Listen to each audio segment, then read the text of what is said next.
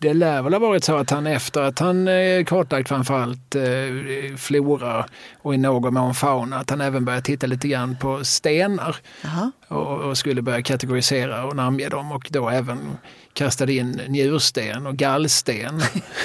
Bland, när han började liksom lista, göra sin stora stenlista. Granit. Ja. Njursten. Ja. Ja.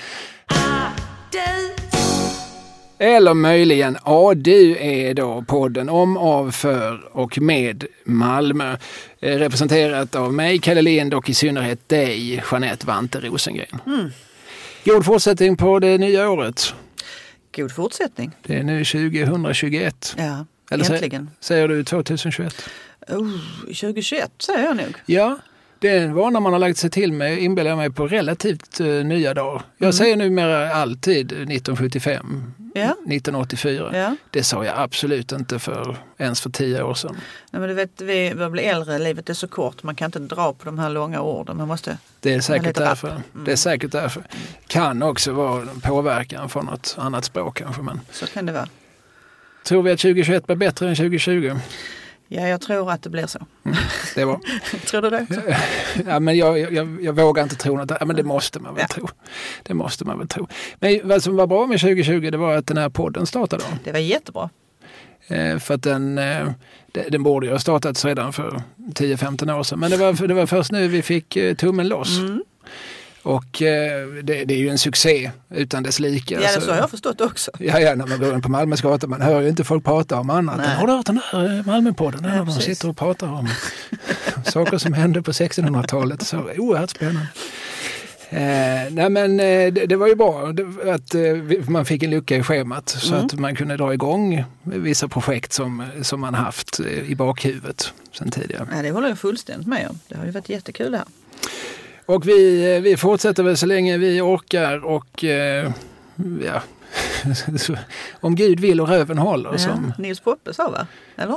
Ja, det sa han säkert. Alltså, det är ett sånt uttryck jag har med mig från, från livet. Mm. Det kan ha varit någonting min mormor sa. Hon hade rätt många sådana där röven-uttryck. Jaha. Om, eh, som min mor berättade från sin barndom. Att eh, om man kom till mormor då, min mormor, och sa att nu har jag hål på byxorna. Då sa hon, ja då får du väl svärta röven och gå naken. det, det, var sånt man sa. Också, också det här, det, det kanske inte jag ska tillskriva min mormor, men det här om någon letar efter någonting. Var är mina nycklar? Jag är röven på Karl XII. Ja, just det. Den, den känner jag igen. Ja. Stackars Karl XII. Han måste vara fullt känner jag. Ja, ja. Ja, det är synd om honom där, där han ligger. Vad ska vi starta i 2021 med? Jo, vi ska återanknyta till eh, kanske ett av de, eh, ett av de, om du frågar mig, ett av de roligaste ämnena vi pratade om förra året. Vi gjorde ett program där vi listade berömda människor som varit i Malmö. Ja. Vi pratade om eh, Evert Taube Mm. som bodde här faktiskt i sin ungdom hos sin farbror Axel. Mm. Vi pratade om Yuri Gagarin. Mm. Vi pratade om Sir Arthur Conan Doyle. Mm. Ja, vi pratade om, vad heter hon i efternamn? Mariana, Simeonescu. just det, Björn Borgs eh, första flamma. Mm. Åtminstone officiellt. Den första var väl hon förresten som... Just det, men den första var väl hon som Ted Gärdestad och han konkurrerade om och som Mm. Ted skrev en sång till. Helena. Just det. Helena. Exakt. Mm. Men, eh, och vad var grejen med Mariana? Hon var här och reglerade sina tänder. Ja, enligt eh, min källa, frisören. Enligt din källa frisören. Som hade lägenheten mittemot. Ja, Mm. och det skulle, alltså frisörer är ju goda uppgiftslämnare. Absolut, det är kronvittnen i många avseenden. Är- Är det några som har koll på läget så är det frisörer och taxichaufförer. Ja, det det, det. det här vet alla vi amatördetektiver. Mm. Det var en massa namn som utelämnades påstod du. Så du har kommit eh, till studion idag med en eh, ny lista. Fulladdad med spännande personer. Ja, jag har inte med mig lika många som senast men det är ett par namn som är roliga att eh, få med. Eh, Men jag tänker att om du har den längsta listan så kan väl du börja så skjuter vi in mina lite där, här och där. Absolut kan vi göra så. Och jag har ju tänkt då att du ska få en liten clue på varje så jag ska se om Ah. du kan gissa vem det är som jag syftar på. Ja, det här blir ju spännande och också djupt obehagligt för att jag kan ju framstå som en idiot. Fast jag har ju medvetet gjort den här första, det är ju så liksom, det är bara för att du ska få en känsla för hur enkelt det egentligen är. Mm. Om jag säger så här nu, han kom som ett yrväder en aprilafton. Ja, då tänker jag på Karlsson i Strindbergs Hemsöborna. Det gör du ju rätt i.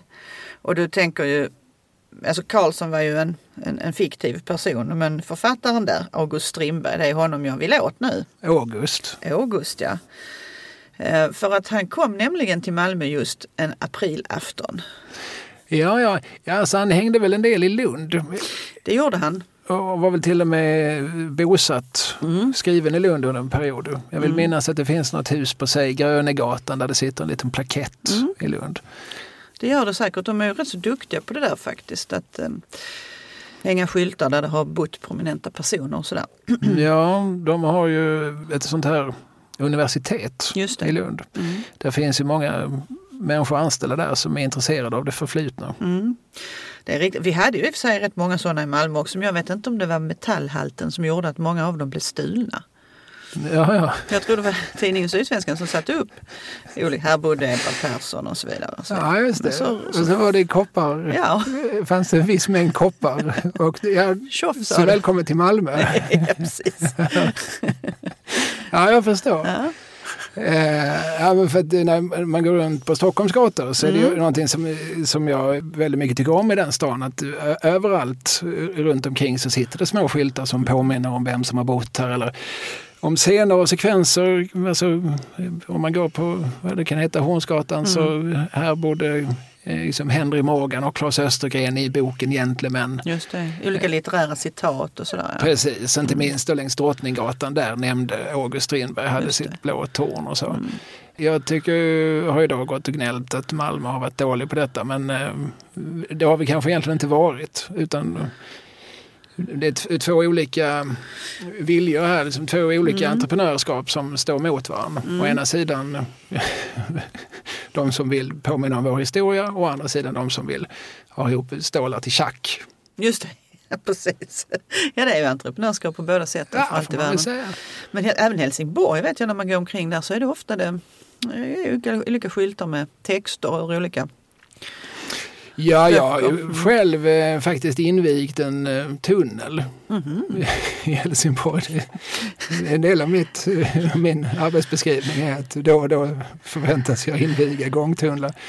Eh, det är en tunnel som, jag tror den heter Bergatunneln, eller Bergalidstunneln. Ja, det har något med Hans Alfredsson att göra Ja, tror jag. Det har det att göra med. De valde att sätta upp eh, ett antal citat av honom. Han skrev en dikt om sin barndoms tre backar. Just det. Han växte ju då upp på Tågaborg i Helsingborg och eh, om man varit där så vet man att det är kuperat. Mm. Eh, Det kan antingen gå väldigt fort eller väldigt långsamt beroende på i vilken riktning man ska ta sig. Mm. Så han, han skrev en dikt om detta och den dikten står då skriven på väggarna i den här tunneln. Mm. Där har vi för övrigt en man som, jag vet inte om vi nämnde honom sist, apropå berömda människor som varit i Malmö. Han föddes ju faktiskt här. Ja, ja, ja, just det. Jag, jag hoppas att vi har tagit upp det Ja, men han har väl podden. varit med, han har varit med i några olika avsnitt tror jag på några. Ja, det, sätt. alltså annars så, så ser jag det som en, ett tjänstefel Ja, från mitt det, håll. det borde du ju verkligen göra. Ja, men han, eh, han föddes på Kirseberg och han bor både eh, i kvarteren runt om eh, Ja, vid, Värnhem, där, va? Värnhem, Mm. kvarteren där vid Café Grannen. Jag, jag kommer inte riktigt ihåg vad de gatorna heter. Och sen Mm. så hann de ju flytta in i det här stora huset på Drottninggatan som heter något. Malmgården. Just det. Mm. Dit flyttade han kanske som fyraåring. Mhm. Men som, när Hasse var sex så fick hans far jobb i, på Allers i Helsingborg då, istället för på Hemmets Journal i Malmö. Mm. Och då blev han då istället helsingborgare. Mm. Men eh, han föddes onekligen här Mm. och eh, kunde väl, om han så var intresserad, hävda att han var Malmöpåg. Det Mm. gjorde han aldrig. Nej. Han hade ganska diffusa minnen från Malmö. Mm.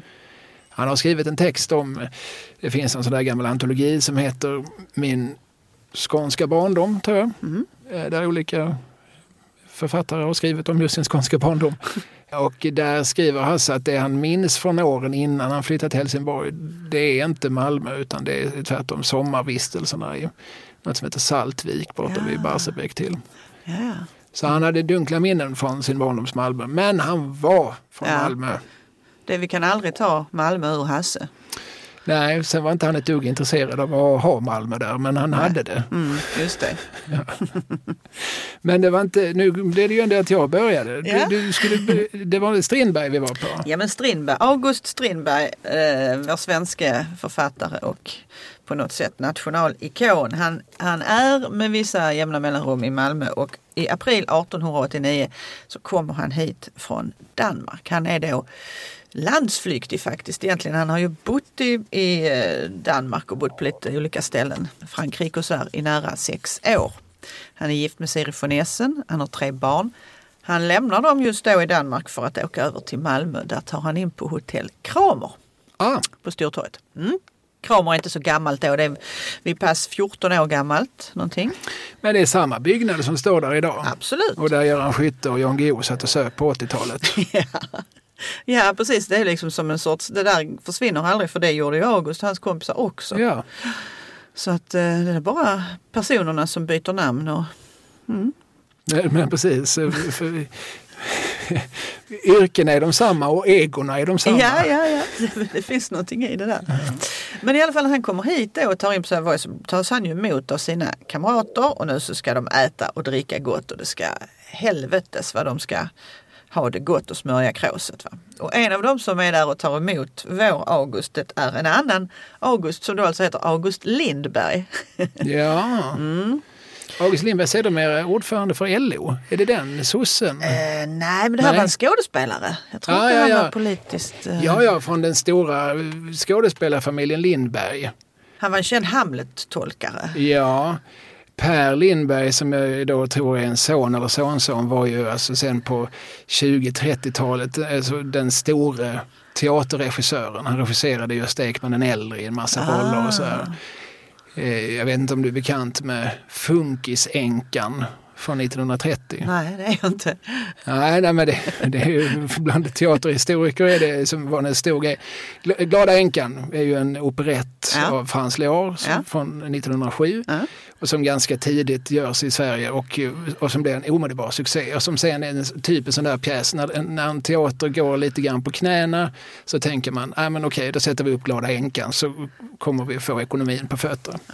Den är ett säkert kort. Kommer ska- att spelas på Nöjesteatern i Malmö. Precis, med Jan Malmsjö nu snart. Ja, ja. det är helt fantastiskt. Ja, jag måste gå dit. Ja, ja, den skulle ju gjorts nu redan under, Mm. under hösten 2020 men fick av kända skäl ställas in. Mm. Thomas Järvheden kommer att spela Danilo Mm. som ju framförallt Jarl Kulle har excellerat i här i Sverige. Men 1930 så väljer man att göra en väldigt djärv nytolkning av denna glada änka. Mhm. Så att eh, i rollen som Danilo, som då är en sångroll, sätter man just Gösta Ekman den äldre, som var en, en, en mycket bred skådespelare som både behärskade komedi och tragedi. Han kunde inte sjunga. Nej. Det är ju ett problem just om man ska spela huvudrollen i en operett. Så att, Det högsta graden bygger på att man kan sjunga på något sätt. ja, så att eh, han eh, talsjöng eh, respektive vissla sig igenom s- sina stycken. Och som Hanna Glavari, då, den glada änkan, så, som är ju som en klassisk sopranroll, så satte man det nya stjärnskottet Sara Leander. Ah, Sara Leander var allt annat än sopran. Hon var ju så kallad kontraalt. Ja. Alltså det var, hon hade ju i princip en, en manlig stämma. Så att eh, allt detta fick transponeras ner. Det gjorde då eh, Jules Sylvain mm. som var liksom den stora kompositören i ropet vid tiden och som jag har tonsatt långt över tusen kända schlagermelodier. En del som vi faktiskt fortfarande kan, med en enkel tulipan Mm. till exempel. Även SFs eh, fanfar. Det är det han som har gjort. Och nya texter gjordes av Karl Gerhard. ja, såklart. Eh, Så det var ju verkligen liksom de hetaste heta namnen. Och så, så gjordes det här då i en, i en helt ny tolkning med Alltså champagneglasen var gjorda av papp och eh, scenarbetarna syntes på scen. Och så, alltså, Oj. en tolkning som idag Modernt. hade betraktats som oj, modernt, djärvt, nyskapande. Gjordes alltså redan 1930. Och han som regisserade var Per Lindberg som jag tror är släkt med den August Lindberg Ah. som du refererar till. Vad spännande. Det Ja. Det var en liten utflykt. Jag Ja, ber om, jag ber ursäkt. Nej, är, ingen är gladare än jag för jag lär mig så mycket varenda gång jag träffar Ja, dig. dito.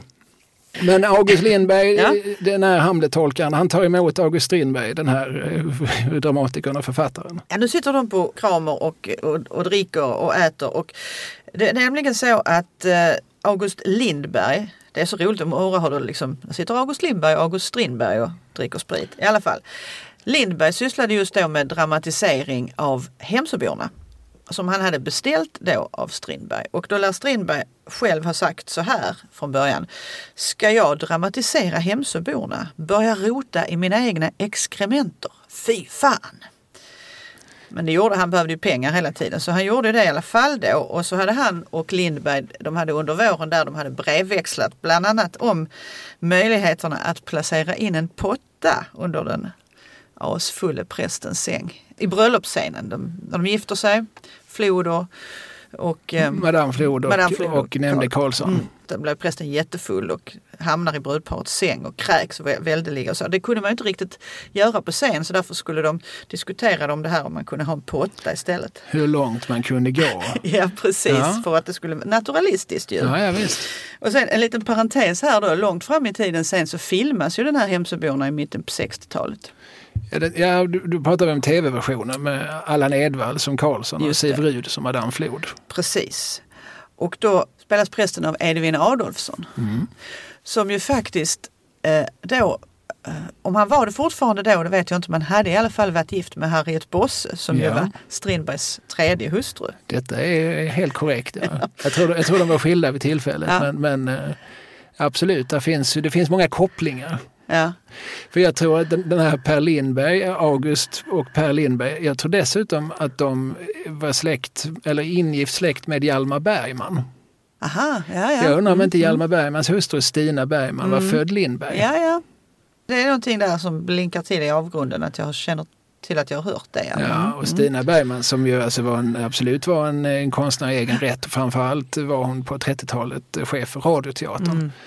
Och eh, hade en oerhörd makt i teatersverige. Mm. Det finns ett antal sådana familjer. De finns ju, idag så kanske vi skulle nämna Skarsgårdarna. Ja. Här har vi liksom också en familj med ett, ett visst inflytande Mm. över, inte bara svenskt nu för tiden utan ju liksom internationellt Verkligen, ja. Mm. filmliv. Eh, Men sådana familjer har ju, som, har ju funnits i många tider. Edvin Adolfsson han fick ju sen en son som hette Olle Adolfsson Visst.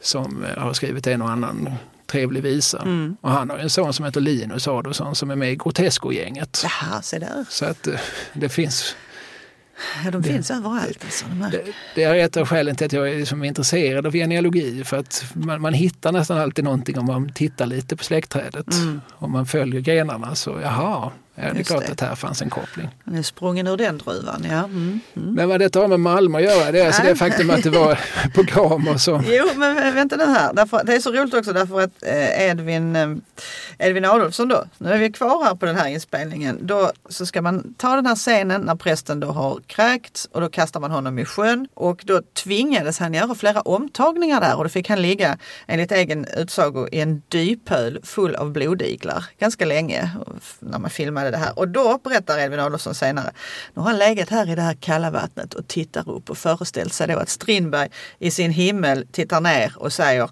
där fick du din jävel för att du gifte dig med min fru. Ja. Tillbaks nu till Kramer. Där träffar Strindberg också några andra kompisar som hette, det var ett par som hette Algot Lange och hustrun till honom hette Ina Forsten. Eh, Algot han var operasångare och Ina hon var pianist och författare.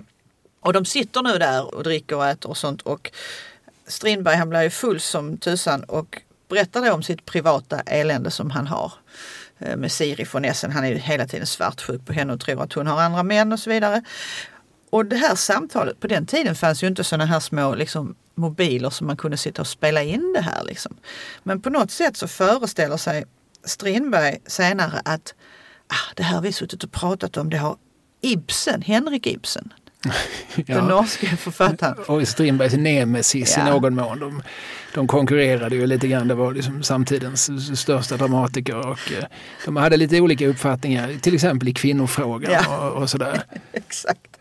Jo men det var verkligen var och då tänkte han att nu har han har snokat upp allt detta jag har suttit och sagt den här natten på Kramer och därefter skrev han Hedda Gabler. Det är så en paranoiker resonerar. Han var ju verkligen, det. han trodde på makterna. Han kallade så småningom den här Ina Forsten, hon, hon var ju, ehm, hon var ju finlandssvensk då. Han kallade henne för en finsk trollpacka vars konster förde Strindberg själv då, förde mig till det gamla föräldrahemmet där Siri och ödet väntade. Nåväl, den sista personen i det här sällskapet det var en man som hette Nils Odal. Och han är rätt så kul för han har senare beskrivit hur Strindberg såg ut vid det här tillfället. Strindberg är då ju vid pass 40 år gammal. Då skriver Nils Odal så här. Han var ungdomlig och spänstig. Men ansiktet under de markerade kindbågarna infallet som om oxeltänderna saknades och framtänderna var mörka och fult formade. Ja, han var intresserad av garnityr. Han var tandläkare. Ja, var det? Ja, okej. Okay, okay. till, till sakens natur. Annars är det ju rätt så intressant liksom, när man beskriver en människa. Ja, det är oftast inte det jag tittar efter i första hand. ja, ja. Inte jag heller. Men det gjorde Nils och det var ju en rätt så intressant person i sig för att han emigrerade senare samma år till Sydamerika och blev en världsresenär faktiskt fram till sin död någon gång på 40-talet. Så Strindberg var här några dagar ja. 1889. Mm. Sen så styrde han kosan vidare, kanske mot huvudstaden. Han, för jag tror han åkte sina... tillbaks till Danmark faktiskt. Va? Uh, och hämtade upp sin familj. Men, men vi, ja. Ja, att följa Strindbergs irrfärder fram och tillbaka över Europakartan, det har andra gjort. Ja. Och, det finns många tjocka böcker ja. om, om just honom. Precis. Men eh, ja. även han tog sig en bläcka i Malmö. Ja, det gjorde han. Eventuellt då överhörd av Ibsen från, ja. som satt i Christiania. Nuvarande Oslo och, ja. och, och eh, med väldigt stora parabolformade öron och avlyssna. Snappade upp det här ja. Mm. ja. Ja men det är roligt att tänka sig på något sätt. Man skulle gått igenom lagren av tid och så skulle man gå förbi Kramer och så ser man de här herrarna och damerna sitta och, ja. Ja, nej, det ska jag ju säga, det här gör ju jag när man mm. går förbi vissa byggnader. Mm. Alltså på något vis så, så tycker jag mig, alltså jag, ibland kanske jag sluter ögonen, ibland så, så kanske jag stannar upp och, och på något vis liksom visualiserar vilka som har suttit där. Mm. Vi kan skjuta in det också att den här televiseringen av Hemsöborna som väl fortfarande då är den, den senaste, den, den har ju filmatiserats många gånger, Hemsöborna, mm. Eh, redan på 30-40-talen. Men det gjordes ju av Bengt Lagerqvist. Mm. Som ju var son till Per Lagerqvist. För att För kasta in mm. ytterligare lite genealogi här. Precis. Som idag var det som Strindberg aldrig blev, det vill säga nobelpristagare i litteratur. Ja, just det det om detta. Mm. Ska vi gå vidare med ja. din lista? Ja men det kan vi göra. Säg till när du vill hoppa in. Ja, det beror på hur många namn du har. Nej, men eh, ta ett till. Ska, ska ta ett till? Ja men då har jag en ny gåta till dig. Ja. nu blir det lite svårare. Suga på den en stund. Eh, fyllsjuk smålänning med fäbless för spanska flugor. Ja du, spanska flugor, då tänker jag ju på den gamla tyska farsen Spanska flugan. Mm. Är jag rätt på det då? Nej, Nej. det är inte alls den spanska flugan. Vad kan det finnas för fyllsjuka smålänningar? Albert Engström hade rötter i Eksjö. Han var, mm. han var nog fyllsjuk ibland. Det tror jag. Men nu, jag får, det är klart du kan hitta många här men jag ska säga också att det är mitten på 1700-talet så att du inte går loss 1700-talet eh, och var smålänningar då för tiden. Smålands landskapsblomma heter Linnea. Mm. Den eh, döpte en smålänning efter sig själv. Mm. Är det Carl von Linné vi det är pratar helt om? Rätt. Det är helt rätt. Och jag tror faktiskt han var faktiskt fortfarande Linnaeus för han blev nog inte adlad för några år senare. Men det är samma herre vi, vi pratar om. Carl von Linné så småningom då. Och han, han var ju ute på sån här ja, du vet 1700-talet var ju som det var. Man skulle ju beskriva, undersöka och ta reda på allt om allt liksom. Och resorna i, i, i världen tilltog och inte minst i Sverige. Carl von Linné var ju ute och gjorde sina landskapsresor. Ja. Kommer till, jo, detta är bekant. ja, kommer till Malmö sommaren 1749 på sin skånska resa. Den 11 juni kommer han och då kommer han från landsvägen, alltså han kommer via Värnhem reser fram till nuvarande Drottningtorget. Där har vi Österport, det har vi ju pratat om tidigare. Just det. Och här börjar staden. Och han är ju jätteimponerad av Malmö.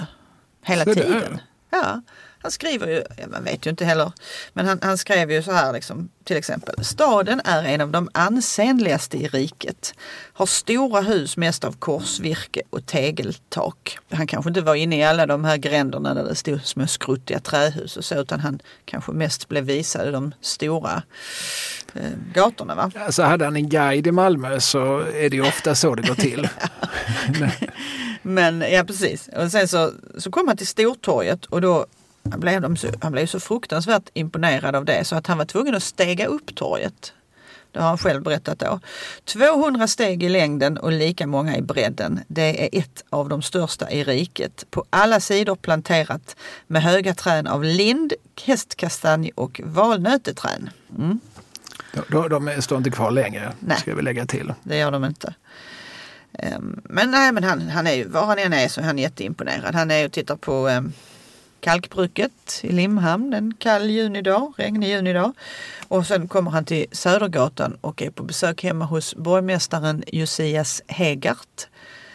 Eh, och i trädgården där, det var ju ett eldorado för honom, i trädgården upptäckte han de spanska flugorna. Mhm. Detta är alltså någon sorts ehm, insekt, en sorts skalbagge. Om man googlar, man bildgooglar på den så får man fram en väldigt vacker sån här grönskimrande eh, vacker insekt. Nu var det inte det att man skulle titta på dem utan man använde dem i medicinal, alltså som medicin. Man pulveriserar dem kanske Ja. och, och eh, drack med något. Eller, Ja. Jag hoppas man, inte att man injicerade, men det kanske man gjorde. Jag vet inte, man, bland annat användes det som mot värk av olika slag och inflammationer men också som afrodisiakum Mm. för herrar. Ja, det är mycket man har testat Så, ja, i, i, det, i det olika häradet. noshörningshorn och sånt där. Va, som har... men, men Linné själv han skrev om det här. Då insekten kramades gav de genom mun och thorax en gul stickande saft. Och så hände man den här vätskan då i diverse mediciner och sen så långt, långt, långt senare upptäckte man ju att det här slog ju ut njurarna på människor så man kunde ju... Okej, man blev potent men eh, Och man kanske inte ens blev det. Nej, nej, det är möjligt att man inte blev. Men man satte igång en stor skala, storskalig sån här flygproduktion i, i Malmö efter Linnés.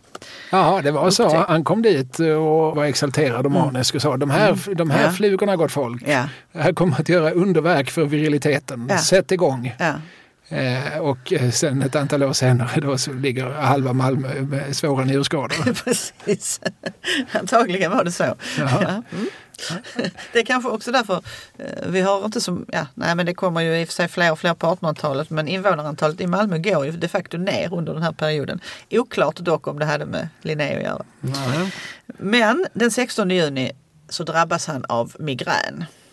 Och då skriver han själv att ja, den här migränen höll mig vid sängen min vanliga tid. Och det beror på då att han igår, nu citerar jag, igår smakade jag ett glas slånbärsvin. Det är ju, där ljög han ju för sig själv. Det tror vi inte på att det var ett glas. Inte det minsta tror vi på det. Uh, och han, han, sen fortsätter han att liksom skriva om att han drabbas ju ibland av, av migrän och han får det ju sällan av annat än köld med blåsväder, surt dricka och vin som varit i jäsning. Ja, vanligtvis så kan han ju dricka flera glas vin utan att därav få minsta gravitation. Men hade han fått ett vin som har varit i rörelse så måste jag betala det allt för dyrt, skriver han då. Nej, han har nog druckit några glas åtminstone. Jag tror att eh, han, och han var varken den första eller den sista som sa ah, men det, det, det blev ett glas tror jag det blev igår. Ja. Ja, men sen, sen, sen så, konstigt att jag ändå känner att, eh, att det snurrar lite här men det måste varit någonting i maten Ja. också som, som En dålig räka. Ja, nej, precis. En dåligt krossad spansk fluga. Mm. Ja, och så beskriver han eh, väldigt, väldigt ingående hur den här migränen tar sig. Ja, de 12 första timmarna märker han ingenting men därefter försvinner all matlust med katarr eller förstoppning i huvudet. Halva huvudet eller högra sidan blir tung eh, och verken stiger och tilltager. Äntligen bliver det vita på högra ögat rött och på slutet rinner ett hett vatten ut ur ögat så mycket som kan gå ut i en fingerborg varpå rödnaden i ögat försvinner och huvudvärken alldeles förgår. Det låter hur äckligt som helst. Ja, och han är intressant att han var ju så noga med att skriva ner allt det här. Alla de Han var här ju observationerna. vetenskapsman, ja. Såklart. Ja. Han ville ju veta hur, hur det gick till och hur det hände och så. Mm. Sen eh, finns det ju också, det är ju roligt, eh, han, han var ju så som botanikern kanske måste vara, han var ju väldigt eh, det är ju långt innan Freud. Men eh, och jag vet inte om Freud någonsin satte sig och studerade Linné. Men han hade säkert fått ut mycket av att göra det. Ja. För att han såg ju mycket, alltså när han tittade på ståndare och pistiller och sånt där, han såg ju mycket eh, freudianska former. Och namngav ju också. Det finns ju mycket liksom vulva och Just så i, i de latinska namn som Linné gav. Jag tror att man i efterhand faktiskt har ändrat rätt mycket. Lite prydare vetenskapsmän i Linnés kölvatten har gått in lite grann. Och nu är det lite många blommor som heter någonting här. Så, labia. Vi, vi, vi kan ändra det lite här och var. Och det tror jag faktiskt är sant. Det har jag läst för länge sedan. En ganska rolig artikel om.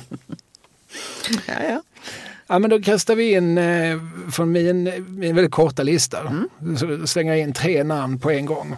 Eh, nu, nu kommer jag då inte ihåg namnen. Men vi, vi, eh, i december, 19 december 1914 så var det ju tre oerhört prominenta herrar som eh, kom på besök till Malmö. En från Stockholm, en från Köpenhamn och en från väl vad som fortfarande heter Christiania. Jag vet faktiskt inte när Christiania blev Oslo. Vi pratar alltså Trekungamötet i Malmö som eh, hölls här. Eh, till och med 18 december kom de hit, de tre. Den svenska, danska, norska konungen åtföljda av sina utrikesministrar K. Wallenberg, H. Scavenius och N.C. Ilen. En imponerande hyllning ägde rum för de tre konungarna av 500 studenter. Oj. Ja, Det var nog varenda student man kunde hitta i närområdet vid tiden. Eh, Dagens förhandlingar avslutades med en lysande middag given av konung Gustav och en konsert i rådhuset. Eh, Jag läser här ur en bok jag har, en bokfilm, eh, jubileumsbokfilmen, en krönika i ord och bild från 1906 till 1956. Och lördagen den 19 december inleddes med en högtidlig gudstjänst i Malmö, Sankt Petri kyrka. Konferenserna mellan monarkerna och ministrarna som pågingo under större delen av dagen och avslötos först vid halv sex-tiden har befäst det goda förhållandet mellan de tre nordiska rikena.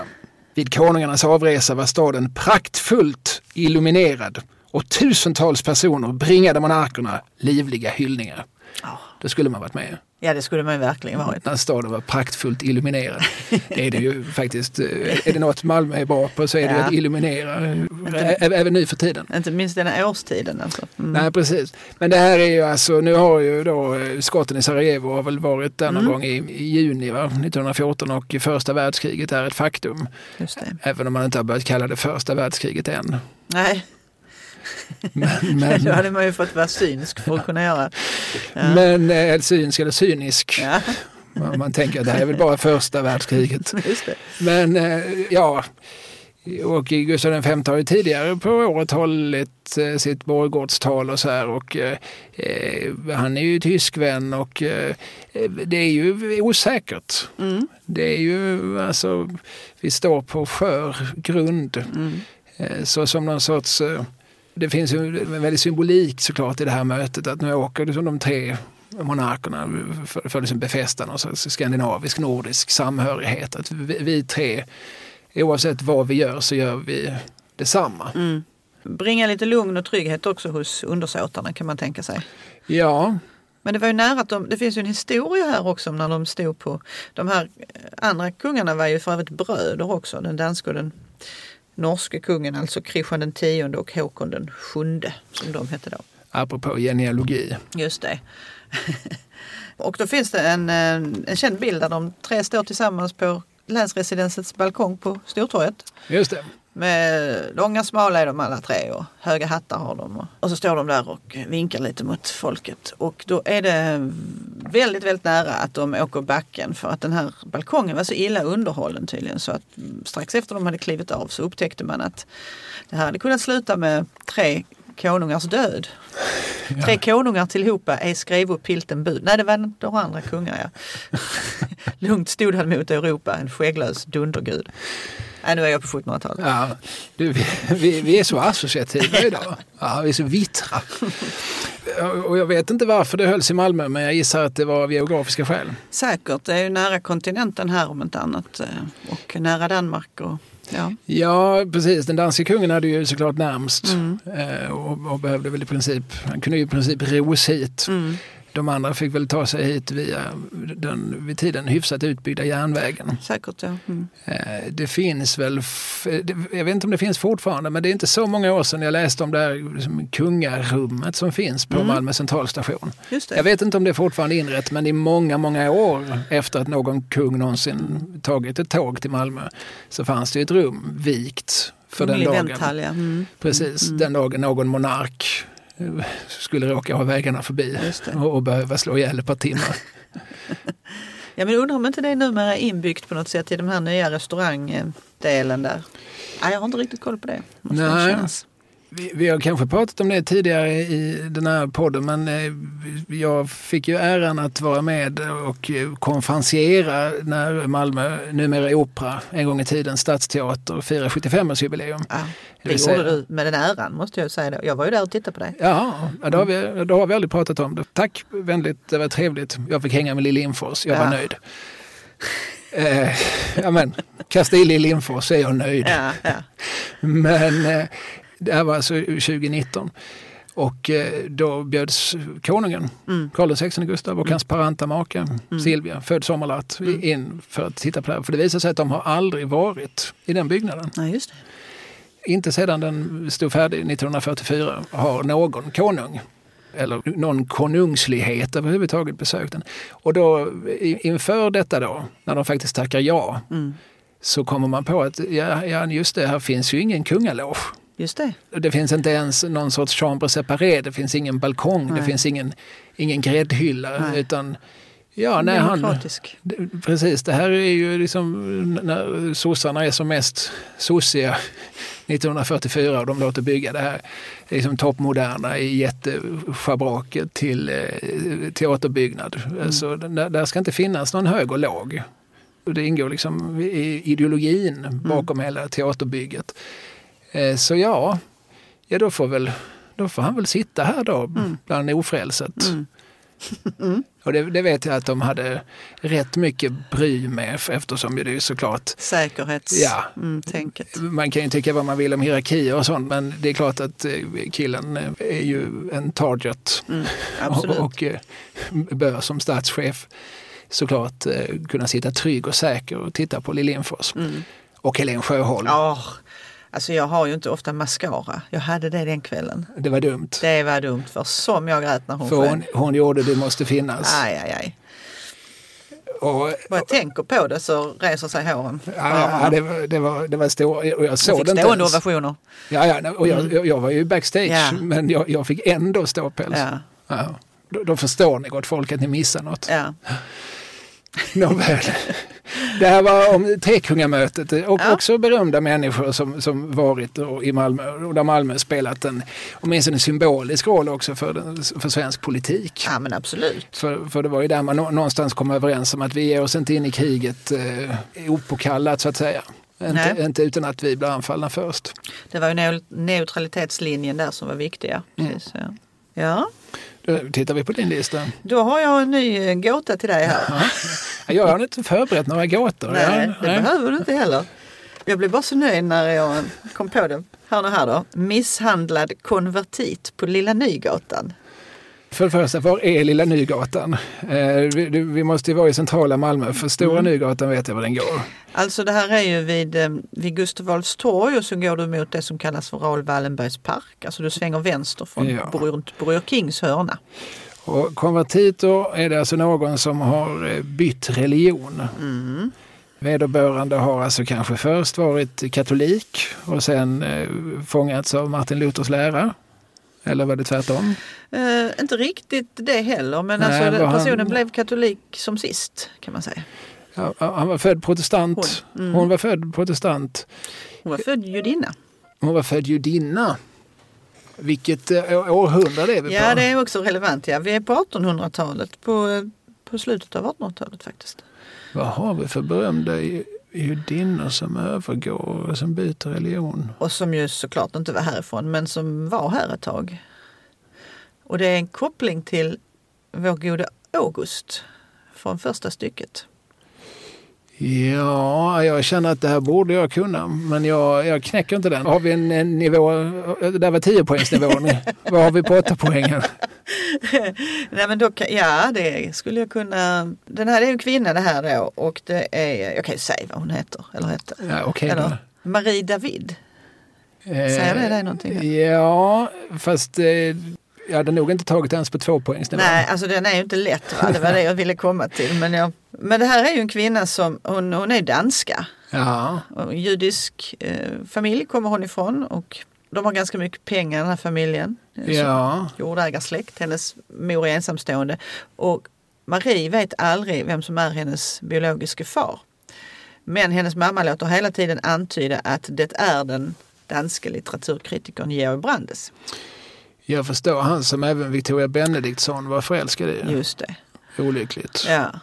Och som sa att hon skrev dameromaner. Ja, och du, P.O. Enquist Ja, skrev en pjäs ja. som heter Tribadernas natt. Du har helt rätt i det. Som handlar om relationen mellan August Strindberg, Siri von Essen och är det inte just också Marie, som jag trodde hon hette, David? Ja, det kanske David. uttalas David. Men det är den kvinnan vi pratar om? ja, det är den kvinnan vi pratar om. Ja. Det är helt rätt, Kalle. Okej. Eh, Jag är beredd att ge dig 10 poäng på detta. Nej, faktiskt. det- det- Resonera dig fram Jag kunde ju inte namnet så att, eh, okej. Eh, vad gjorde hon? Ja, hon åker runt då i Europa med sin mamma på olika bildningsresor. Så dör hennes mamma när hon är i tonåren och så fortsätter Marie då att resa runt med eh, bland annat en annan en landsmaninna, en konstnär som heter Sofie Holten. Och de hamnar i Frankrike i en liten by som heter Grès-sur-Loing. Om jag nu uttalar detta rätt. I mina öron lät det helt korrekt. Vad fint. De är där samtidigt som bland annat August Strindberg och Siri von Essen. Karl och Karin Larsson. Alltså det var en sån här konstnärskollektiv kan man säga. Men det är ju rätt roligt. Och då visar det sig att, att Marie och Siri de blir ju väldigt nära vänner. Och så småningom när Strindbergarna har kommit hem till Sverige igen och Marie också befinner sig i Stockholm så blir Siri och Marie ett par. Alltså Siri von Essen lämnar August Strindberg för denna Marie. Och det eh, gillar Därav inte Tribadernas natt. Därav tribadernas natt, alltså. För deras då, eh, lesbiska förhållande. Ja, detta tycker inte Strindberg är någonting att eh, hurra över. Han blir vansinnig. Det hade varit så atypiskt Strindberg om han liksom, jämte sin misogyni och sin antisemitism visar sig vara en stor hbtq-förespråkare. Ingenting hade väl kanske ja, varit honom mer främmande. Men nej, men han skriver till och med brev till, till Siri von Essens mostrar och att liksom tycker att ni måste ta ur henne det här. Det är en anomali, hon, det är mot naturen, allt vad hon, hur hon lever just nu. Så där. Och dessutom så misshandlad fanns ju i den här gåtan också. Jo, vid ett tillfälle ute när de bodde ute på, jag tror det var på Värmdö, så kommer Marie dit och ska hämta Siri och då slår ju Strindberg henne på flabben helt enkelt. Knuffar ner henne från en sorts veranda. Hon skadar sig, hon polisanmäler honom, han får böta. Eh, han får böta, nu ska vi se här, jag skrev upp det någonstans, eh, ja 15 kronor. För att eh, det var också lite högre summa för att det var ett sabbatsbrott. Alltså han hade begått detta brott under en helgdag. Det var tur för Strindberg att metoo dröjde några hundra år, eller 105 år efter hans Ah, död. han hade nog varit rätt så rökt kan man säga. Ja. ja, kanske med viss rätt. Jag, jag har läst en del han skrivit och eh, har nog tyckt att det där håller måttet. Mm. jag, kan, jag kan inte ta ifrån honom hans eh, begåvning som skriftställare. Nej, nej. Det finns ju ingen som kan beskriva som renheten i en i klosettskål. Mm, han Så- kunde äta sköldpaddssoppa ur den. Ja, alltså, det, alltså att kunna, det här är alltså ett brev han skrev tror jag, till sin kompis Per Stav som väl för övrigt var bror till Karl Stav som var liberal statsminister. Eh, men han är, han, är, han är i Tyskland tror jag och som är helt hänförd över hur rena klosettskålarna Ja. är. Att man till och med kan äta sköldpaddssoppa Ja. Visst, jämför det med något, med något gammalt uh, utedass liksom. Där. Ja. Och den formuleringen vill jag inte ta ifrån honom. Nej, nej. Men, men eh, som människa så var han ju inte fläckfri. Nej, och det kanske är så att det är bättre att läsa hans verk än att vara gift med honom gissar jag också. Eh, med tanke på hur han, hans olika äktenskap. Jag tror både Siri, Frida och Harriet skulle hålla med dig. jag tror också det faktiskt. Och hur som helst, eh, nu, nu försvinner ju då Siri från honom och lever med Marie och de far runt. De åker bland annat till Finland där Siri kommer från och Marie försörjer den här lilla familjen. Strindberg vägrar betala underhåll för sina tre barn och det är mycket med det ena och det andra. Och sen i alla fall med tid och stunder så tilltar Maries, alltså hon blir alkoholist. Återvänder till Danmark där hon kommer ifrån, blir inlagd på ett, idag hade vi sagt ett behandlingshem. Eh, detta drivs av Elisabethsystrarna. När hon blir frisk, för det blir hon, så konverterar hon till katolicismen. Hon utbildar sig till sjuksköterska, går med i den här katolska kongregationen Elisabethsystrarna och ska börja jobba för dem. Och jag vet inte hur man gjorde, man fick nog inte välja själv vilken ort man skulle vara på. Så de, jag gissar att de snurrar på jordgloben så här och så. Malmö. Så hon fick flytta till Malmö och kommer hit, är här på Lilla Nygatan och jobbar här i kanske 6-7 månader. Sen så får hon tbc och dör. 32 år gammal. Ligger begravd på Sankt Pauli Mellersta kyrkogård. Vilken solskenshistoria. Jag tänker alltid så här, varför har ingen gjort film på detta? Ja, den möjligheten finns väl Ja. fortfarande. Ja. Eh, kanske. Och P.O. Enquist var som sagt och, och tullade på berättelsen. Och jag tror att Tre brödernas natt var nog också hans absoluta genombrott som dramatiker. Enquist var ju en eh, internationellt stor jag läste någon gång en intervju med honom där man förstod liksom hur många hus P.O. Enquist hade. Alltså, han, Jaha. han var ju en eh, burgen man. Ja, ja. Och början förmögen då på sina skriverier. Framförallt väldigt spelad i Tyskland.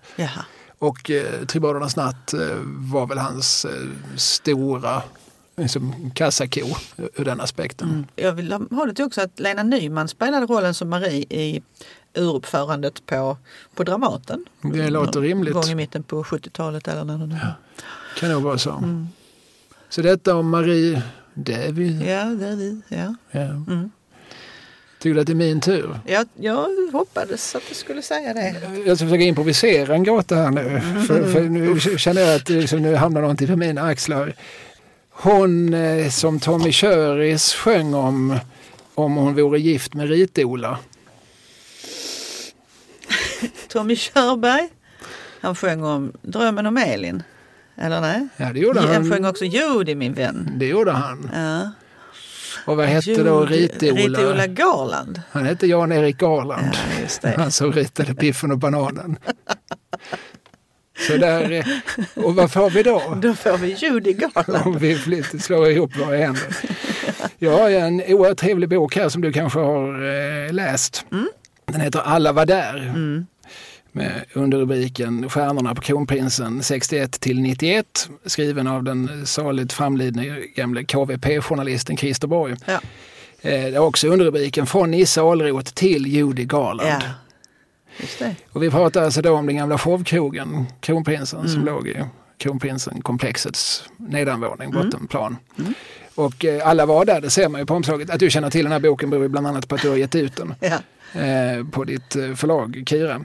Eh, och här ser vi Hugo Åberg som, framför, som byggde själva huset och så ser vi faktiskt just Tommy Körberg Mm. eh, jämte Siw Malmkvist. Vi ser Povel, vi ser Hasse och Tage. Alla var där som sagt. Vi ser Ann-Louise Hansson i rollen som drottning Silvia.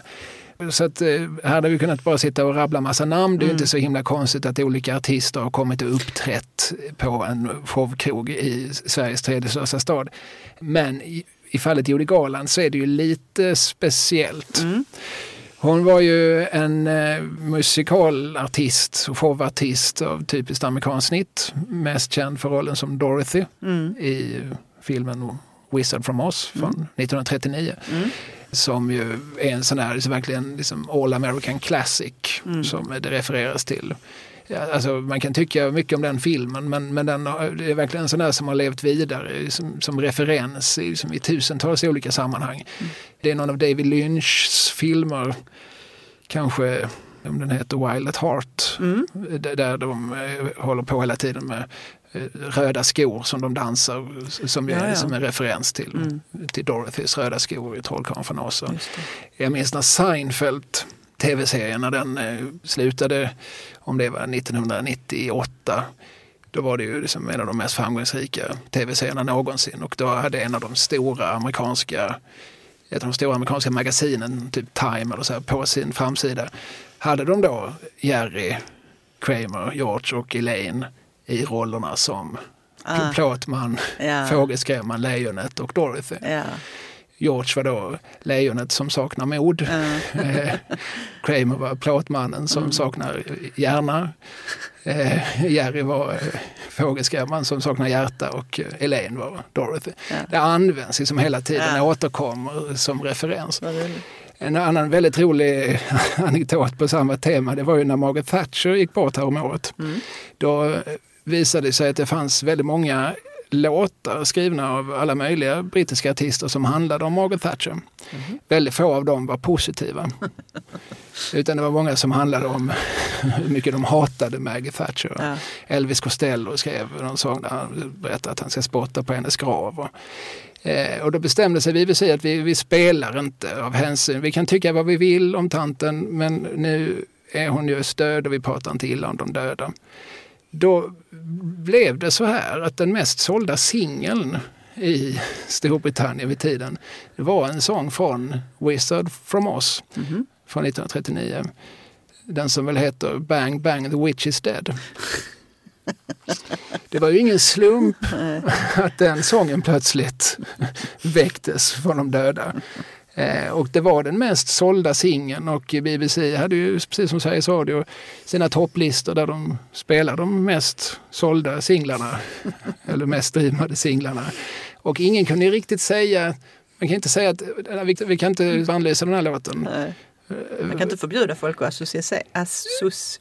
Du kan inte ens prata längre. Att associera? Nej, för Associera. då säger man det. Nej, men vi bannlyser den. Jaha, varför gör ni det då? Eh, för att den handlar om Margaret Thatcher. Jaså, Mhm. ni menar att Margaret Thatcher var en häxa? Mm. Eh, nej, det menar vi såklart inte. Nej, så då får ni väl spela den. så de det. hamnar i det läget. Och hur som helst, det var ju såklart Judy Garlands eh, absoluta genombrottsroll. Hon, hon var ju ung, hon var ju Ja. tonåring när hon sjöng Over the Rainbow Mm. med flera. Och det tillhörde sen också de här, det, det vi kallar torches, de här kvinnorna, stora divorna som har bränt sina ljus i bägge ändar. Mm. Jag minns att Eva-Britt Strandberg gjorde en enmansföreställning på 80-talet som hette A Star is Torn. Ja, ja, just det. Mm. Där hon framförde liksom Edith Piaf och Mm. eh, Bessie Smith och Janis Joplin och såklart även Judy Garland. Mm. De här som, som gav oss allt detta vackra, all, allt detta storslagna, allt detta tjusiga och så låg de själva hemma i ständigt töcken av Ja, sömntabletter precis. och alkohol. Levde i någon pillertriller. Precis, och ofta med karlar som inte var så snälla mot dem och managers som blåste dem och vad det nu var. Precis, och nu vet jag inte om det... Jag såg den här filmen också som kom häromåret med Renée Zellweger spelade Judy. Och den hette, Hette den inte bara Judy? okej det är den som, okej. Tror jag. Mm. Där eh, vill man ju också lyfta fram att ja, hon var ju barnstjärna då och att de här filmteamen hade ju skapat svåra ätstörningar hos henne därför att hon fick aldrig liksom i sig vad hon skulle för att växa och sådär utan det var hård, hård diet. Och, Ja, hon skulle ju vara ja. flicka på ja, film. såklart. Så att, eh, då, då är det viktigt att vi håller den här kroppen flickaktig. Mm. Allt för konsten. Mm. Är ju lätt att säga om det inte är min kropp som Mm. ska offras. Precis. Ja.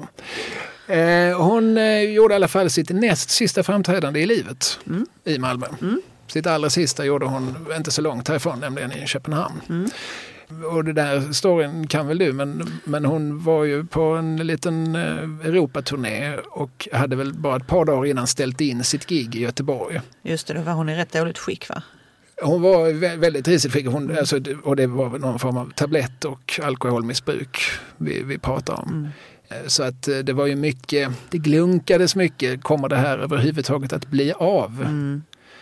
Och eh, jag tror det var så att Hugo Åberg själv, alltså byggherren, jag tror det var han som hade pyntat upp en, en rätt så diger summa för att få Judy till kronprinsen. Just det, Jag tror liksom in i det sista att, att det fanns en viss oro i luften. just det. Kommer hon att dyka upp och om hon dyker upp kommer det verkligen att vara någonting att titta på. Precis. Men sen säger då alla vittnen att hon gjorde en fantastisk föreställning. Mm. Jag har hört det också, att hon var, eh, ja, gick ut och var en cirkushäst helt enkelt. Det fanns någon mirakelmedicin som, som fick henne att kvickna till under några timmar. Eh, och sen så åkte hon som sagt över till Köpenhamn och gjorde om succén där efter vad jag förstår. Och, och några, någon månad senare så hittades hon då död vid 41 års ålder kanske. Ja, ja, men hon blev inte äldre. Nej, det är tragiskt det där. Det är någonting sånt. Jag kan ju dubbelkolla vad jag sitter och säger för, eftersom jag ju har boken framför mig. Ja, Hon hade ju med sig, hon var ju gift ett antal gånger va? Hon hade ju med sig sin, sin sista något yngre man på den här turnén som plötsligt också skulle vara hennes manager. Mickey Dean heter han. Just det. Som inte verkade ha gjort något eh, positivt intryck på de som arrangerade det. 23 mars 1969 framträdde hon på Kronprinsen. Den 22 juni hittades hon död i sitt badrum i London efter en förstärkt dos sömnmedel. Den korta Skandinavien-turnén arrangerades av eh, promotorn Arne Stivell Ja, ja. eh, som också var filmregissör. Jag tror att det var han som gjorde den sista Åsa-Nisse-filmen bland annat. Samma år, 69. Men jag kanske blandar ihop saker nu. Tänk om man hade fått henne att framträda och nu. Jag har en roll, specialskriven roll till dig, en Åsa-Nisse-film.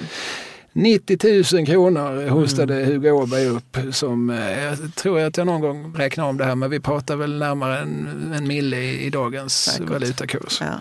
Men de som var där, och det finns vittnesmål, jag har träffat människor som, var, vars föräldrar i sin tur var där.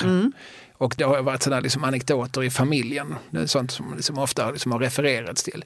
Minns du Greta när vi var och såg Judy Garland? Ja, det minns jag Arne. Det var tider det. Precis. Ja. I lilla Malmö va? Ja, precis. Hit kom hon. Ja. Så eh, det var det andra och eh, sista namnet på min lista. Det var ju tre på, den, på punkt ett. Så Det fjärde namnet då ja. Ja, precis. Nu har jag en gåta till dig igen. Den är ju jättelätt den här gången. Det är tre ord. Mhm. Sånt var livet. Ja, pratar vi återigen om en diva. Eh, den artist som eh, många har sagt att eh, den kanske mest begåvade och tveklöst mest besvärliga artist eh, Sverige har haft. Pratar vi om hon som eh, fick en dunderhit med just Sånt i livet. Absolut. Jag tror den kom 1961. Vi pratar alltså Anita Lindblom. Ja. Och jag vet ju att du eh, har pratat mycket om henne lately. Ja, i min parallellpodd Snedtänkt gjorde vi ett eh, specialprogram om henne eh, nu under hösten 2020. Men jag kan prata mer om henne. Ja, alltså, hon, ja, hon gick ju bort för övrigt ganska nyligen. Det var ju nu här i, i fjol får man säga. Och vad blev hon? Hon var född 37. Vad betyder det att man blir 73. 83? Okej då. Jag skulle bara säga att du var med. ja, precis. Eh, Men nu så ska vi förflytta oss till 1968. Ja, Vad gjorde Anita Lindblom då? mycket. Jag tror att hon var på samtliga löpsedlar varje dag under år 1968. Så, Varför? Ja, av många anledningar. Men dels så var hon ju tillsammans med en eh, flåbuse från eh, Majorna som hette Bo Högberg som var mellanviktsboxare. Eh, känd bland annat för att ha stått pall i, i typ tio ronder med avslagen käke. Eh, De två var ju ett it-par, Mm. ett jetset-par. De jämfördes ofta då för tiden med någon sorts Bonnie and Clyde för det fanns ju dessutom lite kopplingar till den undre världen. Och så. Mm. Han, det var ju någonting med en, jag glömmer inte vilket bilmärke det var, om det var en Mustang eller någonting som han hade setts knuffa ner för någon klippa ner i Toscana eller Provence eller sådär. Förmodligen då i akt och mening att få ut försäkringspengar. Och han satt också inne för detta Mm. och eh, skrev på kåken för övrigt sina memoarer. Och det var, dessutom var det triangeldrama för det fanns en, en kvinna som hette Lis Öberg, va? eller Öman, Öberg, som han också dejtade samtidigt. Parallellt med detta så, så blev Anita skönstaxerad för att eh, hon, eh, hon betalade inte så mycket skatt som regeringen tyckte att hon skulle och hon tyckte absolut inte att hon skulle betala så mycket skatt eftersom hon tyckte att eh, den socialdemokratiska regeringen i princip var stalinister. Hon, hon, hon, var, hon var verkligen så här sosseätare. Och de eh, hamnade i, i skatteflykt i Paris. Det vet jag inte om det var 68 eller om det var 69. Men de flyr till Paris i alla fall Mm. med sina två taxar. Och eh, Aftonbladet har på sin löpsedel har de en bild på Långholmen och så står det ungefär här kommer Anita och Bosse att sitta. eh, och de, det måste ha varit en pressad tid i deras liv. Det var mycket som hände. Ja men absolut. Och som du säger då, de här olika, de är skandalomsusade va. Men av någon anledning så befinner de sig vid något tillfälle här i Malmö, båda två. Jag vet inte, är inte detta samma år som Bordellmammas visor spelas in? Bordellmammas visor av, apropå skandalartister, Johnny Bode. Jag tror att den släpps åtminstone 69 men den kan väl mycket väl spelas in 68 och det gjorde, den spelades in här i stan. Mm, Just det. Och Där borde ju sättas upp en plakett för övrigt. ja, Det är ju en av de sakerna. När, när du och jag ska gå ut på vår plakettrunda. vi borde göra detta kanske. Ja, det, ja, det är klart vi borde. Ja. Nu, nu vet jag inte exakt var den studion låg, men det vet väl du? Eh, ja, nej, men alltså jag har läst lite olika, men jag har, eh, jag har läst lite olika adresser där studion har legat, men jag vet inte exakt var just de här inspelningarna gjordes. Men jag tror det är i Sorgenfri. Jag kan ha helt fel här, jag har bara litat på andra människors. Nu förutsätter vi att alla vet vad vi pratar om Mm. då ungefär. Men Johnny Bode eh, hette en eh, mycket egenartad man. Född i Falköping 1912, död i Malmö 1983. Mm. Eh, och däremellan hann han göra precis allt som man inte rekommenderas att göra. Mm. Fanns det, det som ett klaver att trampa i så nog var Johnny där med foten. Fanns det ett blått skåp att skita i så nog var Johnny framme med byxorna nere. Parat med någon sorts osannolik begåvning också ju. Ja, ja Alltså, nej, men en fantastisk melodimakare Mm. och en, eh, han var liksom på 30-talet en av de mest sålda och eh, älskade så kallade grammofoncharmörerna. Men eh, hade liksom en tendens att göra sig ovän med folk, bland annat för att han bestal dem och eh, bedrog dem och eh, beljög dem. så det var ju oftast självförvållat. Dessutom så var han ju med all säkerhet eh, vad vi idag skulle säga bipolär.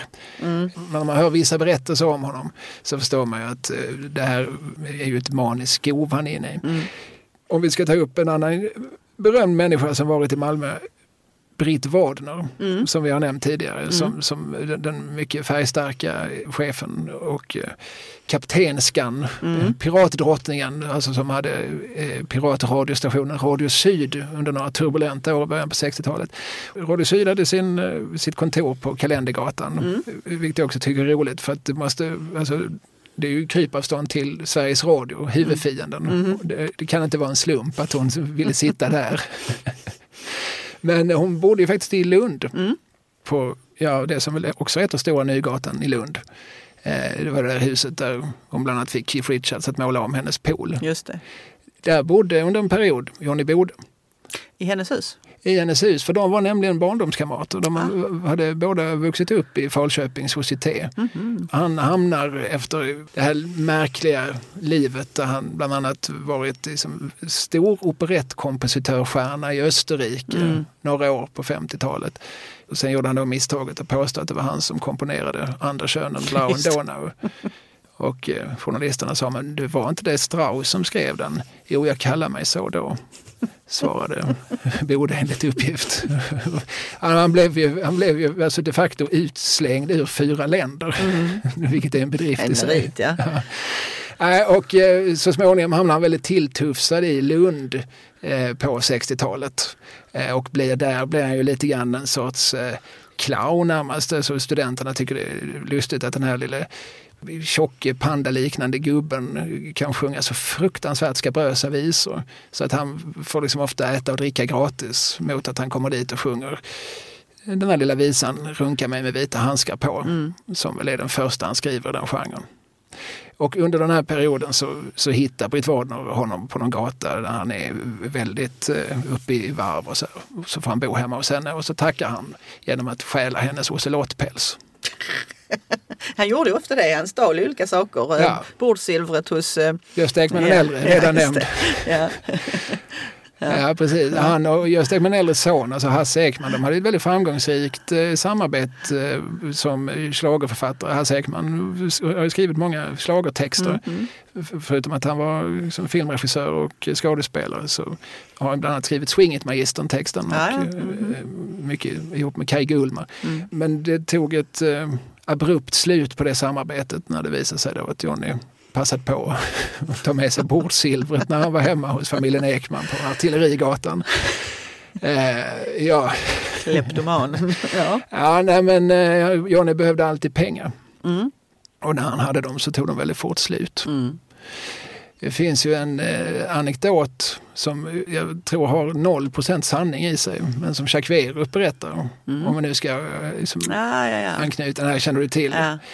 Jacques Werup hävdar ju att han i sin ungdom raglar in i någon lägenhet i Malmö och i denna lägenhet så befinner sig vid samma tillfälle mm. den svårt alkoholiserade jazzmusikern Silja Blom Nilsson. Mm. Eh, den svårt alkoholiserade porrkompositören Johnny Bode och den oändligt hippe amerikanske gitarrgurun Jimi Hendrix. Ja. Ska det inte ha varit på Norra Vallgatan också? Ja, säkert på Norra Vallgatan. Johnny Bode satt i alla fall enligt uppgift iförd kalsonger och skor vid pianot och sjöng, nu för känsliga lyssnare att hålla för öronen, sitt örhänge Negerjo, negerjo, finska horor ska du tro. Mm. Vilket Jimi Hendrix eh, lär ha haft oerhört roligt åt. Mm. Eh, allt enligt Chuck Werup. ja. ja, det är synd att han inte lever så vi hade kunnat eh, ja, fråga honom. Ja, precis. Bara lite detaljer till, Chuck. Mm, kan det här verkligen stämma? Eh, nu vet jag inte, nu hamnar vi ja. i en härva här. Var var det vi började? Jo, vi började med Anita Lindblom. Och Anita Lindblom var det hon, hon hade en trummis som hette Leif Ahlgren som bodde här i stan. Och han, varför jag pratade om Bordellmammans visa var för att han var en av de musikerna som var med och spelade in den. Men han var också trummis till just Anita och umgicks, han och hans familj umgicks då och då med Anita och Bosse. Och nu är det ett tillfälle här där de har varit, haft en hedundrande fest. Du hör att jag bara pratar om, jag är ju som själv närmast kan man säga eh, um, IOGT-are. Ja, Men alla mina... Det, det är det där närmast som man alltid ska vara aktsam på. Alla de här personerna jag pratar om idag de har haft en förkärlek för dryckjom. Hur som helst, de sitter och äter frukost i ett hus på Spånahusvägen morgonen efter en sån här, där de har jammat. Och, jag tror faktiskt de har spelat in här i någon studio. Men, och så har de ju då varit någon eftersläckning. Och nu ringer det på dörren och där utanför står polisen som har fått ett tips om att Anita och Bosse, som ju båda på något sätt var sökta, efterlysta, att de befinner sig här. Och raskt får de då gömmas under varsin säng i barnens rum i den här familjen på Spånehusvägen 62. Så de ligger där inne, håller andan, kanske lite dammigt, kittlar i näsan och poliserna stegar in och undrar var är vår boxare var är vår sångerska? Nej, de är inte här. De, eh, visst, vi har spelat in igår men eh, vi vet inte var de är nu och så vidare. De kom undan med detta, de blev aldrig upptäckta. Poliserna går därifrån igen och så kan man då plocka fram de här båda från sina gömställen och sen därefter så lär de då ha lämnat landet. Mm. Ja, ja, så de me mellanlandade i Malmö på sin landsflykt? Alltså. Ja, tydligen eh, har det varit så. Ja. Mm. Och sen så hamnade de i alla fall i Paris och sen Mm. i Anitas historieskrivning så fick ju Bosse komma hem efter en tid när han bekände att han var socialist. Detta vägrade Anita att göra så att hon fick fortsätta bo utomlands och flytta nog aldrig hem till Sverige. Eh, Hon kom ju tillbaka på 70-talet och gjorde en bejublad show Ja. på Berns eller sådär. Då det. var hon ju gift med en ännu större flåbus, Gunnar Hellstorm Mm, just det. som han kallades. Mm. Eh, regissören och eh, hustrumisshandlaren Mm. eh, som gav oss filmer såsom Raskenstam och Mm. Zorn. Olika filmer där Mm. Gunnar Hellström kunde ligga med unga damer. Det fanns ett tema väldigt mycket i, Gunnar Hellströms filmografi. Han planerade också väldigt länge en film om Bellman där, Oj. där han såg sig själv i rollen som Bellman. Jag kan tänka mig att han också såg någon väldigt yppig Ulla Winblad Ja, framför sig.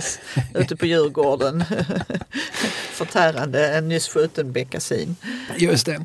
Nej, men så småningom, Anita Lindbloms historia kanske den är svår att sammanfatta men i princip så satt hon ju i någon sorts exil i, Mm. på franska rivieran i, i decennier efter att ha bråkat med en svensk. Flyttfirma va, som Ja. Mm. Hon skulle flytta från, från Frankrike, hon hade ett erbjudande från USA och skulle bli liksom Las Vegas-artist. Mhm. Eh, och eh, då är det en svensk flyttfirma som har sönder rätt mycket av hennes möblemang. Mm.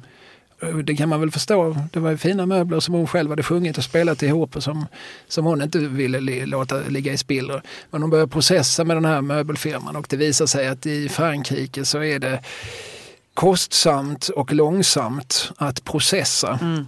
Och får inte heller tillgång till möblerna. De, de måste liksom deponeras någonstans. Att de står liksom i depå liksom år efter år efter år. Men så hon skickar inlaga efter inlaga och, och hon ju tjänar allt mindre pengar och får flytta till allt mindre hus. Mm. Och blir känd lite grann som någon sorts som crazy cat lady. Mm. Går runt och matar katter. Och, De mjauar åt mig. eh, Berättar hon i någon, någon intervju Okej.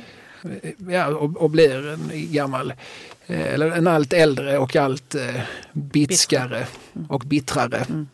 dam. Men eh, hennes kontraallt kan vi inte ta ifrån Nej henne. men det var ju en fantastisk Den är ju i röst. klass med Sara Leanders. Ja, absolut. Det är ju de, de, de tre stora kontraalterna om du frågar mig. Det är ju Anita Lindblom, Sara Leander och Britta Borg. Ja, De kan man ju aldrig bli trött på. nej.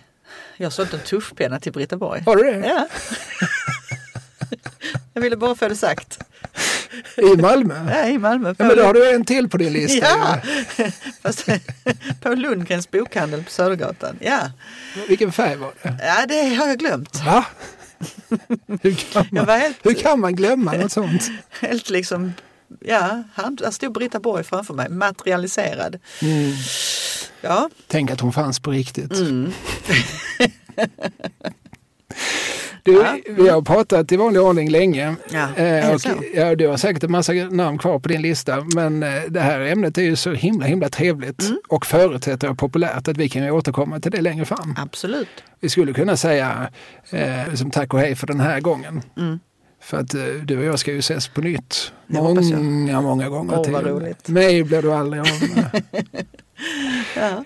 Jag kan så här på slutet som vanligt påminna om att det finns något som heter patreon.com. Mm. Eh, där kan man bli donator, patron, Mm. beskyddare av den här podden.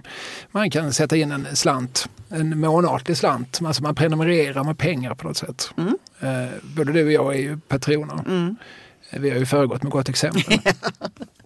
Man kan också kommunicera den vägen. Eh, Man kan ju mejla oss på, jag säger det snabbt nu så att ingen hör det, adupod.gmail.com.